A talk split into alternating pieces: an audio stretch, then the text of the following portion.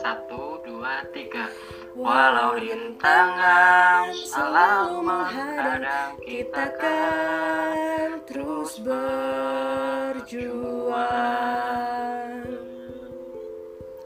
Ku berikan semua hanyalah padamu. Ku perjuangkan demi harum bangsa ini Mahasiswa fisioterapi Indonesia. Maju dan teruslah bersama Dengan segala kemampuan. Selalu berikan yang terbaik. Mahasiswa fisioterapi Indonesia. Wujudkan segala impian. Langkah ini tak terhenti Hingga akhir nanti Yeay, hore. Akhirnya berhasil ya, Chan. so, uh, apa? Langsung Ki Iya, langsung aja udah. Jadi teman-teman, welcome and welcome back to my podcast cerita hari ini by Valentina. Uh, jadi uh, behind the scene podcast ini tuh, aduh drama banget pokoknya.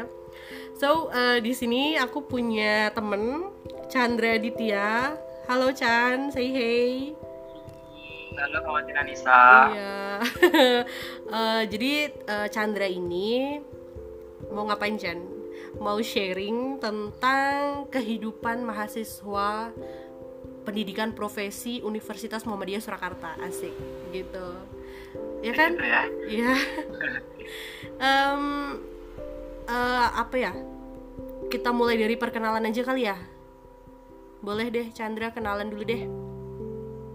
Perkenalannya apa aja nih? Nama doang ya? Ah, bebas, bebas boleh. Bebas Nah sebelumnya, halo teman-teman Pendengar podcastnya Valentina Yang ada di seluruh Indonesia ya, Uh, perkenalkan, amin. saya Chandra Aditya Wardana Temannya Valentina S1 reguler di Universitas Muhammadiyah Surakarta Yap. Nah sekarang saya sedang menempuh pendidikan profesi fisioterapi di Universitas Muhammadiyah Surakarta. Mm-mm. Manja kayaknya deh. Umur, alamat, itu nanti bisa ya di deskripsi aja ya. Wow, emang mau nulis deskripsi tentangmu enggak lah. Jadi current activity-nya ngapain aja Chan? gimana? Current activity kehidupan sekarang lagi ngapain sibuk kapan sih? Ini tentang fisioterapinya atau gimana? Enggak, sekarang aja lagi ngapain? Ini kan lagi pandemik nih. Lagi Hmm. corona di mana-mana. Kamu lagi ngapain aja kegiatannya sehari-hari di rumah?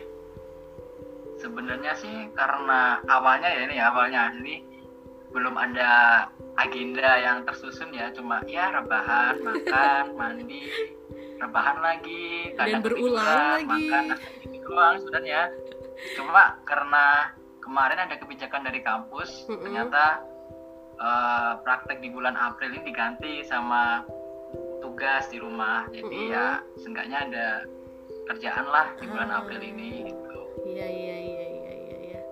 Oke, jadi eh, sesuai judulnya ya di sini kita bakalan ngomong-ngomong nih berbincang-bincang tentang eh, pendidikan profesi fisioterapi di UMS sebelum corona ini me, apa ya menghadang gitu gitu. Jadi ceritain dong Chan eh, awal masuk jurusan fisioterapi dulu kamu pas awal-awal maba nih itu gimana? sampai sekarang akhirnya udah sarjana gitu kan? Terus lanjut ke profesi tuh gimana? Sebenarnya ini nggak nggak nggak patut dicontoh ya awalnya ya. Aduh serak. Serak serak nih. Grogi. Jadi emang awalnya tuh nggak ada niatan nggak tahu juga fisioterapi itu apa gitu ya. Mm-mm. jadi kayak eh, asal aja sih. Sebenarnya kan emang ada prioritas lain sih di universitas yang mungkin ya nggak membandingkan antara UMS sama ya salah satu perguruan tinggi negeri lah gitu. Ya.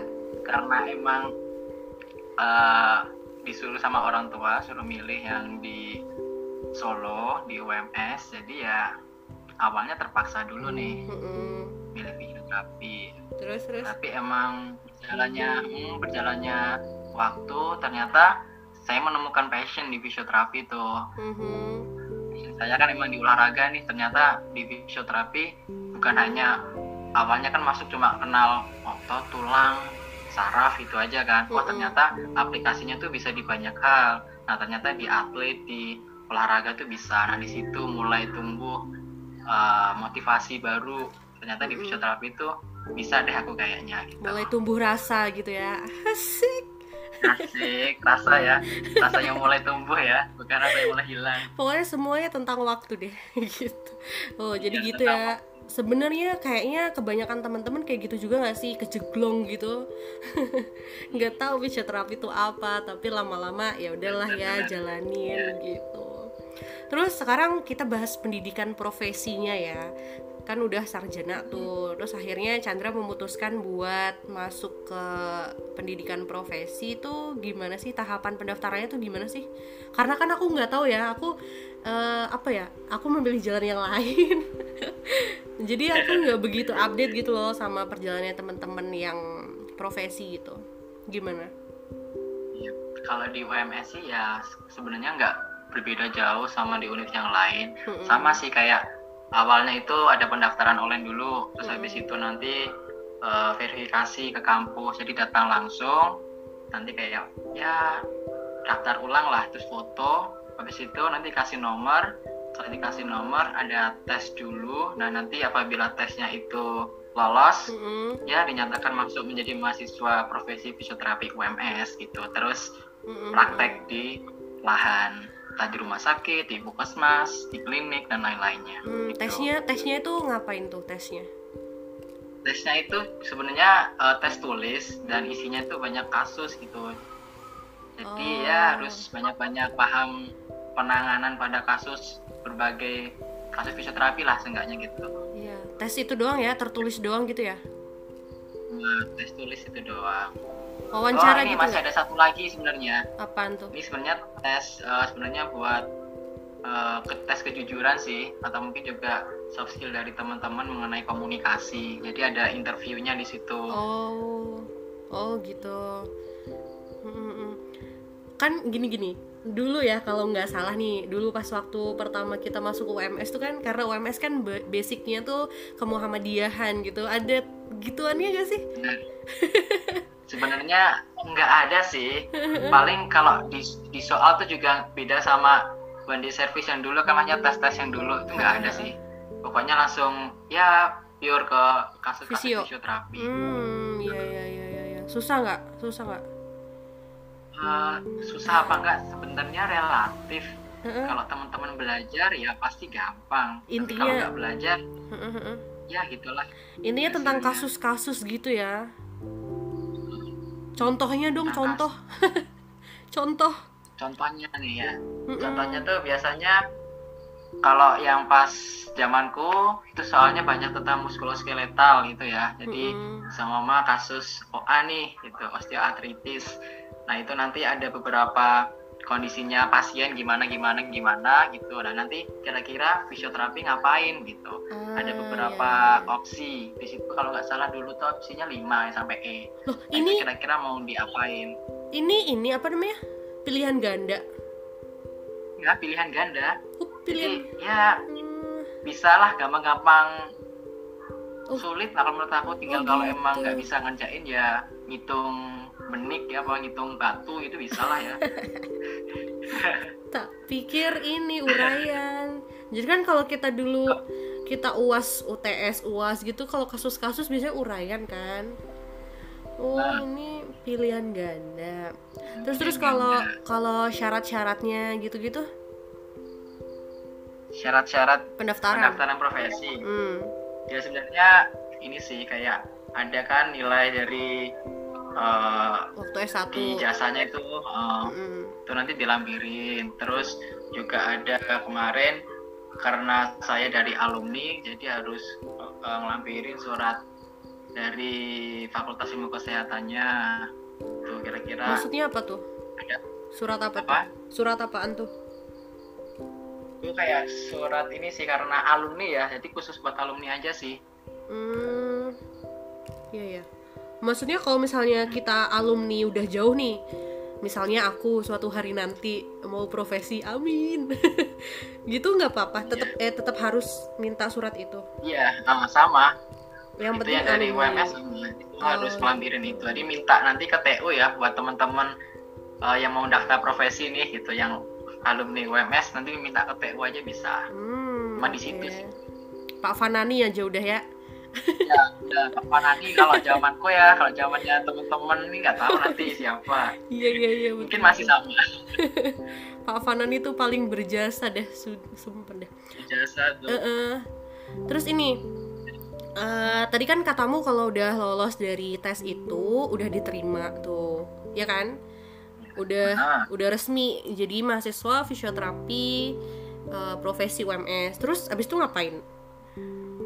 Nah, kalau udah dinyatakan lolos nih nanti teman-teman diberikan ada schedule-nya. Jadi nanti ada pembekalan sebelum langsung terjun ke lahan. Nah, nanti eh, biasanya tuh satu bulan untuk Mm-mm. pembekalannya di situ nanti banyak materi-materi lah kita review lagi materi fisioterapi di situ. Gitu.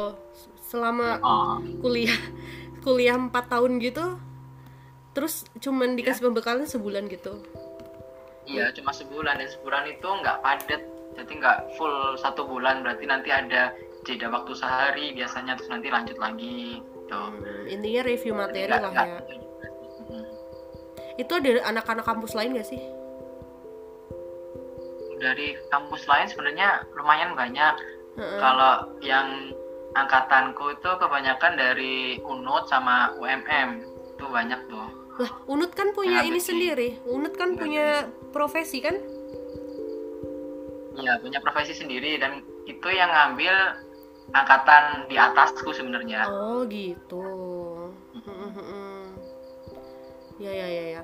Karena kan profesi fisioterapi itu baru mana aja sih? Unisa, UMS. Unisa, UMM, UMS, terus Esa Unggul, Udayana, Unhas, Unhas.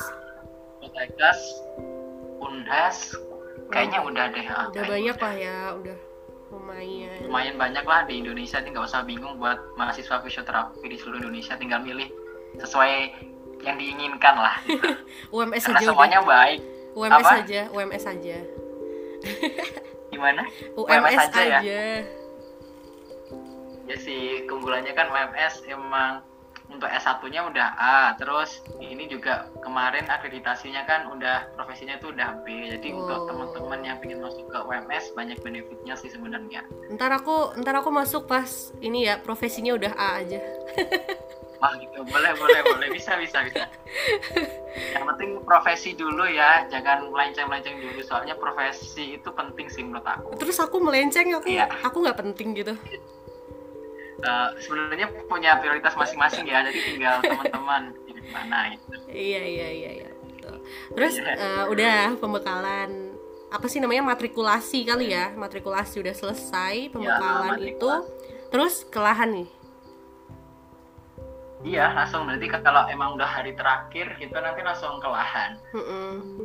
di lahan ngapain aja Kalau di lahan sih sebenarnya ya sama buat teman-teman yang udah jadi D3 yang kompre atau mungkin S1 yang preklinik hampir sama seperti itu. Cuma untuk secara job desk-nya kita langsung eh, mungkin banyak tidak dilibatkan sama clinical educator. Jadi kita nggak ada kayak dibimbing atau gimana. Jadi langsung terjun seperti itu. Langsung dilepas gitu Nah, langsung dilepas tapi tergantung dari tempatnya. Terkadang kalau emang eh, kita kan ada sebelum masuk itu biasanya ada briefing dulu ada materi-materi gitu kan. Nah. CE itu atau clinical educator biasanya udah tahu oh ini eh, mahasiswa yang berkompeten nih udah berpengalaman seenggaknya gitu. Nah, nanti biasanya beda nanti buat eh, memberikan apa ya kayak pengontrolannya itu beda. Oh gitu. Nggak nggak disamaratain gitu. Pilih kasih dong ya bukan pilih kasih sih sebenarnya. Kan maksudnya di sini kan biar teman-teman semuanya kalau sama satu bisa satu jam belum seenggaknya biar sama-sama bisa gitu kan. Jadi oh iya iya di iya. profesi sebenarnya nggak saling gurui atau gimana. CE pun juga saling belajar sama mahasiswa profesinya gitu. Hmm, I got you. Terus terus Iya. setelah apa namanya ngapain aja tuh. Maksudnya maksudnya gini loh. Kan dulu tuh waktu zaman zaman preklinik kan beda ya sama profesi ya gak sih? Karena aku waktu itu kebetulan dapat di rumah sakit gede gitu. Jadi pasiennya tuh banyak banget. Jadi kita cuman masang alat doang dan nggak seru menurutku. Gitu.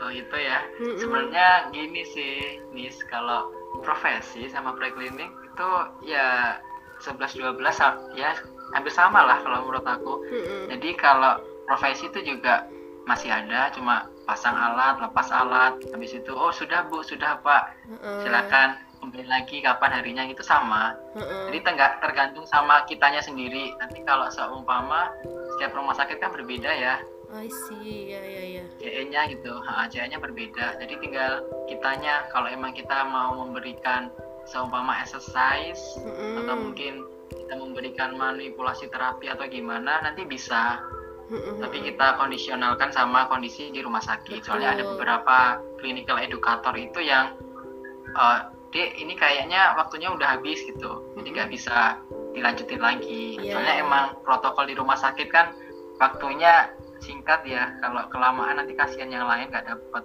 Ah iya betul betul. Dulu tuh tipsnya kalau eh, kalau nggak tuh pas siang-siang pas sudah sepi pasien tuh baru bisa kita ngasih treatment yang lain gitu ya.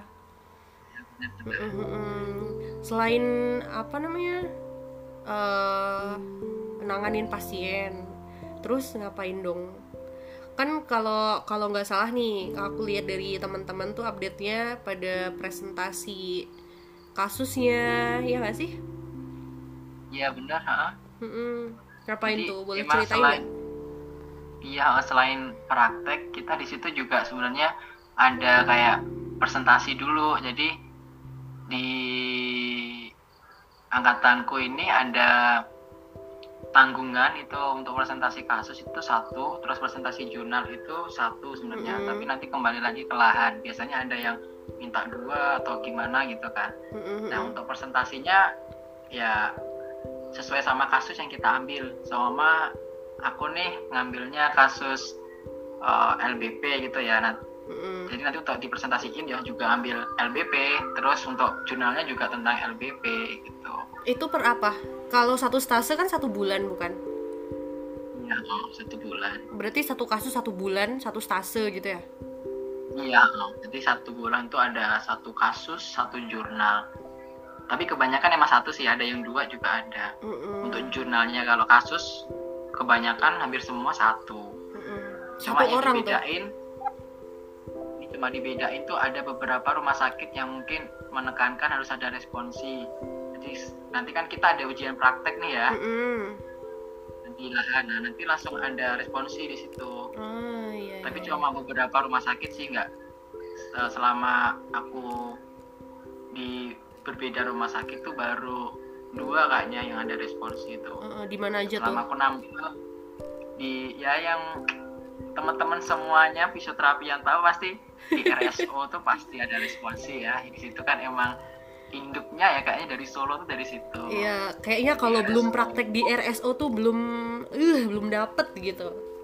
iya kalau teman-teman bilang itu feelnya nggak dapet kayaknya Nah, itu, itu. kalau nggak di RSO tuh. Itu bilangnya.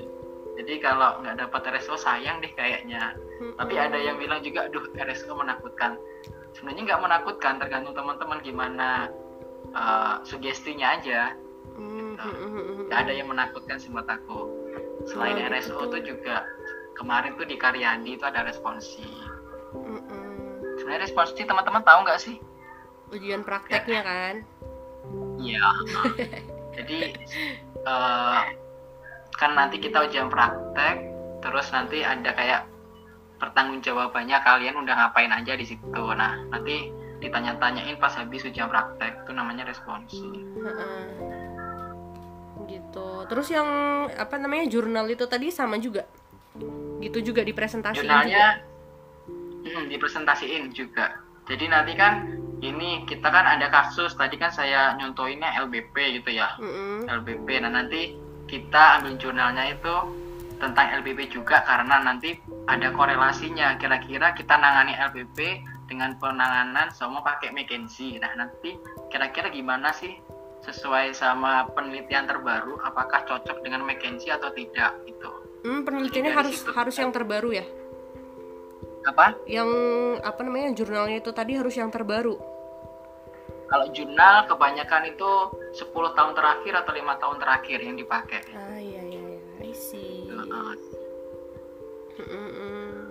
Terus terus udah berarti tiga itu ya tadi eh, di lahan pegang pasien, terus habis itu pres presus presentasi kasusnya, terus presentasi jurnal. jurnal iya Hmm, iya. Terus kalau apa namanya pas kita kuliah kan ini nih abis kelas praktek gitu, kelas praktikum kita suruh nulis namanya laporan praktek ya nggak sih. Di lahan gitu juga nggak? Ya. Kalau di lahan sama, kita nanti pakainya logbook. Jadi nanti kegiatan-kegiatan kita selama satu bulan tuh dimasukin ke logbook dan itu untuk nulisnya tuh per hari. Kira-kira kita hari ini ngapain aja gitu kan? Hah serius? Per hari? Iya, tiap per hari. Nanti kita ngapain aja selama seumpama hari Senin gitu ya. Hari Senin itu kita ngapain aja di rumah sakit, di klinik atau mungkin di puskesmas tuh ngapain? Main HP bu, main TikTok. Aduh, mungkin ya anak-anak milenial sekarang ya main TikTok TikTok itu ya di waktu senggang. ini nih apa namanya misalnya nih satu hari nanganin pasien banyak. Gitu logbooknya banyak banget dong. Sebenarnya enggak sih kalau logbook itu lebih ke uh, daily activity kita. Jadi kayak bukan nulis seumpama kita dapat pasien banyak terus kita tulis satu persatu tuh enggak sebenarnya. Jadi langsung kita rangkum aja kira-kira kayak seumpama jam 7 kita datang, nah kemudian nanti jam 8 udah mulai pelayanan fisioterapi nih gitu kan. Kira-kira pelayanan fisioterapinya nanti kan ada keterangannya di situ. Dapat kasus apa aja ditulis atau mungkin udah ngelakuin apa aja, mungkin asesmen atau mungkin intervensinya apa. oh Tulis yang memang hal-hal yang asing. Nanti mungkin jarang didengar sama uh, yang nulis gitu. Jadi hal-hal yang bisa ditulis di situ nanti disuruh nyari sama CE-nya. btw suaranya Chandra agak putus-putus kenapa ya maksudnya jelas nggak jelas gitu halo Oh, mungkin sinyalnya nih, mungkin sinyalnya. wah lah rumahmu pelosok mesti yuk Aduh, lebih pelosok sana nih kayaknya. Woi enggak dong terus terus eh lagi dong aku kepo banget maafin ya ya, terus, terus gimana emang? Eh apa tadi kan kamu sempet eh, nge-shout out juga kalau ada di klinik, rumah sakit, puskesmas, ya kan? Nah itu bedanya apa sih? Apa sama aja semua? Eh, untuk perbedaannya sebenarnya ada. Jadi kalau di rumah sakit itu kan kita lebih ke rehabilitasinya, di rehabilitatif dari pasiennya dan Mm-mm. tergantung sama stasenya juga. Terus kalau di puskesmas itu kebanyakan malah kita hal-hal yang promotif kayak gitu. Mm-mm. Terus kalau di klinik, kalau di klinik itu sebenarnya sama rehabilitatif, cuma lebih eh, pendekatan ke pasiennya tuh lebih dapat kalau menurut aku. Soalnya emang kalau di klinik kan pasiennya dikit ya. Mm-mm. Terus di klinik itu juga eh, untuk menangani satu pasien tuh bisa satu jam dan ada bahkan satu jam lebih gitu ada. Jadi kita malah dapat banget ilmunya gitu. Tapi tergantung kembali lagi tergantung ke kliniknya. Apakah langsung dipegang sama mahasiswa profesinya atau mungkin masih dikontrol gitu kan. Oh, Soalnya ada gitu. beberapa yang seperti itu. Iya ya. Kalau yang di puskesmas ini yang promotif itu gimana maksudnya? Jadi kita banyak ya kayak sosialisasi gitu kan. Jadi kita memberikan edukasi sama memberikan tadi kan saya ngambilnya LBP jadi LBP itu nanti kira-kira dapat terjadi karena apa nih ini sering ngapain nah gitu kan nanti kita edukasi dari situ Hmm. banyak kegiatan-kegiatan sosialisasi sebenarnya kalau di puskesmasnya Bikin kayak seminar gitu ya, mini seminar atau gimana tuh Chan? kalau mini seminar sebenarnya kalau di UMS tidak diwajibin ya tapi aku pernah dapet tuh yang di Mm-mm. univ lain tuh ada yang mewajibin harus ada webinar katanya gitu Hmm. Katanya kayak gitu. Jadi nanti pas kemarin aku di Karyadi itu dapat teman-teman dari Poltekkes itu katanya ada nih kewajiban buat ikut webinar seenggaknya satu kali selama praktek di situ. Jadi oh mas aja dari maksudnya buat ininya buat mahasiswanya? Ya, buat mahasiswanya gitu. Ya ya ya. Mulai mengerti oh iya tadi kan pas di awal-awal kan kita tuh nyanyi tuh asik. Itu nyanyi apaan sih? Aku, aku juga lupa nih apa nih aduh. sebenarnya mahasiswa fisioterapi seenggaknya harus tahu sih tadi itu lagu apa gitu kan. Nah, udah nggak asing lagi sebenarnya. Tahu nggak tuh? Apalagi apalagi pengurus IMFI nih. Nah kalau nggak tahu aduh diragukan nih keanggotaannya. Tahu sih tahu apa enggak gitu iya sih. Tadi tuh Mas IMFI kalau emang teman-teman belum tahu. IMFI tuh apa IMFI IMFI itu Ikatan Mahasiswa Fisioterapi Indonesia. Dah itu kepanjangannya deh. Sungguh sangat Maksudnya- menjelaskan. Uh, IMFI itu sebenarnya semua mahasiswa fisioterapi itu udah masuk ke anggotaannya IMFI ya. Heeh. Tapi ada beberapa universitas itu yang mungkin baru uh, muncul gitu kan. Ada Mm-mm. yang belum punya himpunan. Nah itu belum terdaftar di IMFI. Tapi Iya. kalau secara keseluruhan mahasiswa fisioterapi ya udah termasuk ke dalam Ikatan Mahasiswa Fisioterapi Indonesia. iya karena fisioterapi kan juga belum tua-tua amat ya terhitung masih baru gitu kan ya makanya Ya, masih Mm-mm. apa terus Ya ter, uh, nah, apa maaf ya teman-teman ini kami ini lewat teleponan jadi ya gitu banyak banyak gangguan. putus-putus kayaknya sinyalnya nih. iya maafin ya. Nah itulah kenapa eh, aku milih Chandra nih sebagai eh, narasumber malam ini. Karena eh, selain dia tuh banyak kegiatan yang apa ya eh, fokus di fisioterapi dia tuh salah satu pengurus IMFI pusat pada pada zamannya berapa tahun lalu Chan? Uh, 2015, 2016. Enggak dong Kalau nggak 2000 salah nih atas 2016, 2017. Salah, 2015 kowe baru jadi maba. Iya kah? Iyalah, kan gue angkatan 2015, 2017 Chan. Tuj eh, enggak deh. Kalau nggak salah tuh aku ikut Munas tuh Desember 2015 di Unisa. Enggak, enggak. 2016. Ya mungkin itu deh ya 2016 berarti. Jadi 2016, 17, 17, 18 gitu. Iya. Iya, kayaknya gitu. Iya, soalnya saya seingatku dua periode sih. Iya, aku satu periode. Makasih. Eh, udah hampir selesai nih. Aku pengen tanya dong eh, nanti setelah lulus pendidikan profesi, eh, lalu ngapain nih? Ngapain gitu? Karena ini ya buat uh, outputnya dari profesi itu kan Iya, gitu lebih maksudnya. ke ke praktisi berarti nanti teman-teman yang lulusan dari profesi seenggaknya nanti mengisi kekosongannya yang ada di praktisi maksudnya praktisi itu yang yang praktik di lapangan gitu Ya, Enggak, maksud aku nih gini, setelah lulus pendidikan profesinya tuh kalau D3 kan ada sumpah profesi tuh. Ya kan? Kalau anak-anak profesi gitu juga atau gimana?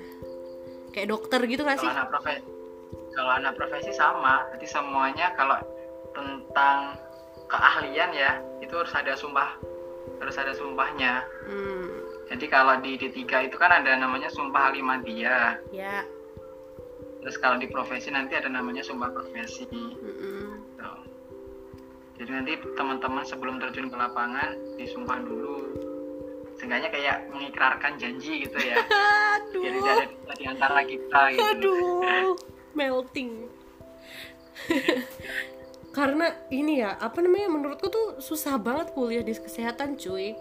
Maksudnya kita udah S1 nih, tapi belum bisa ngapa-ngapain gitu ibaratnya. Harus kuliah lagi, ini lagi, itu lagi.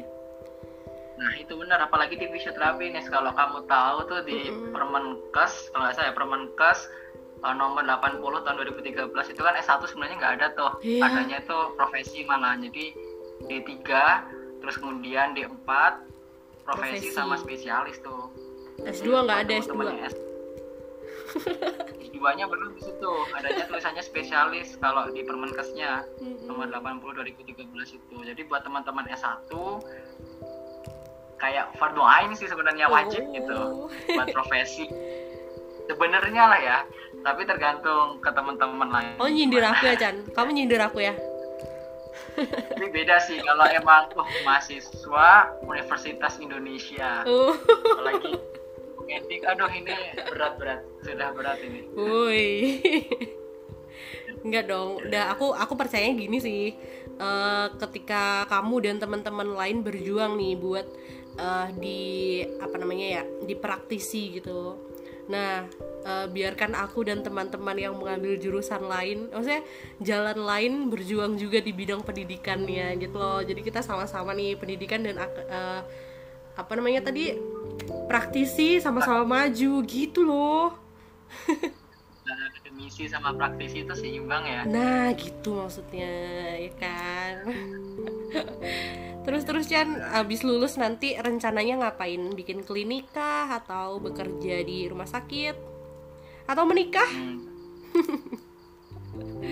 Mungkin salah satu tujuan ya Oh shit Enggak sih sebenarnya kalau buat teman-teman visio kalau tidak buka klinik apalagi itu udah lulusan profesi itu aku akuin masih rugi rugi banget jadi Heeh. emang tujuannya teman-teman buat profesi itu seenggaknya bisa buka klinik mandiri. Hmm. walaupun nanti sebelum membuat klinik kan pasti nggak gampang ya. Iya betul. Kirim surat klinik dan itu harus berjalan gitu.